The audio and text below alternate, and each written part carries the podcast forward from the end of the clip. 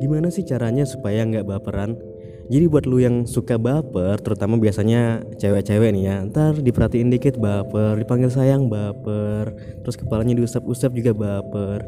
Jadi buat lu yang suka baperan, jangan terlalu terbawa perasaan. Jadi misalnya kalau dia baik sama lu ya, mungkin emang dia baik ke semua orang, mikir aja kayak gitu, Jadi supaya lu nggak terbawa suasana gitu. Nah terus juga yang kedua, lu itu baper karena lu terlalu berharap sama dia, udah diperhatiin, terus akhirnya lu berharap "Oh, ya udah deh semoga dia jadi milik gua gitu kan. Nah, ketika lu menaruh harapan seperti itu, lu pengen sesuatu yang lebih, itu yang bikin lu makin baperan.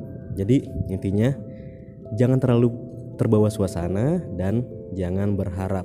Itu poinnya.